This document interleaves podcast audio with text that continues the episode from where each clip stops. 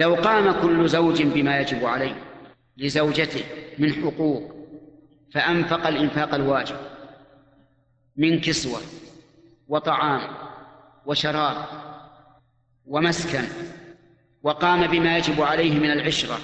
بالمعروف من طلاقة الوجه ومساعدة الزوجة فيما ينبغي مساعدتها فيه وكذلك هي قامت بما يجب عليها من حق لزوجها لدامت العشرة بينهما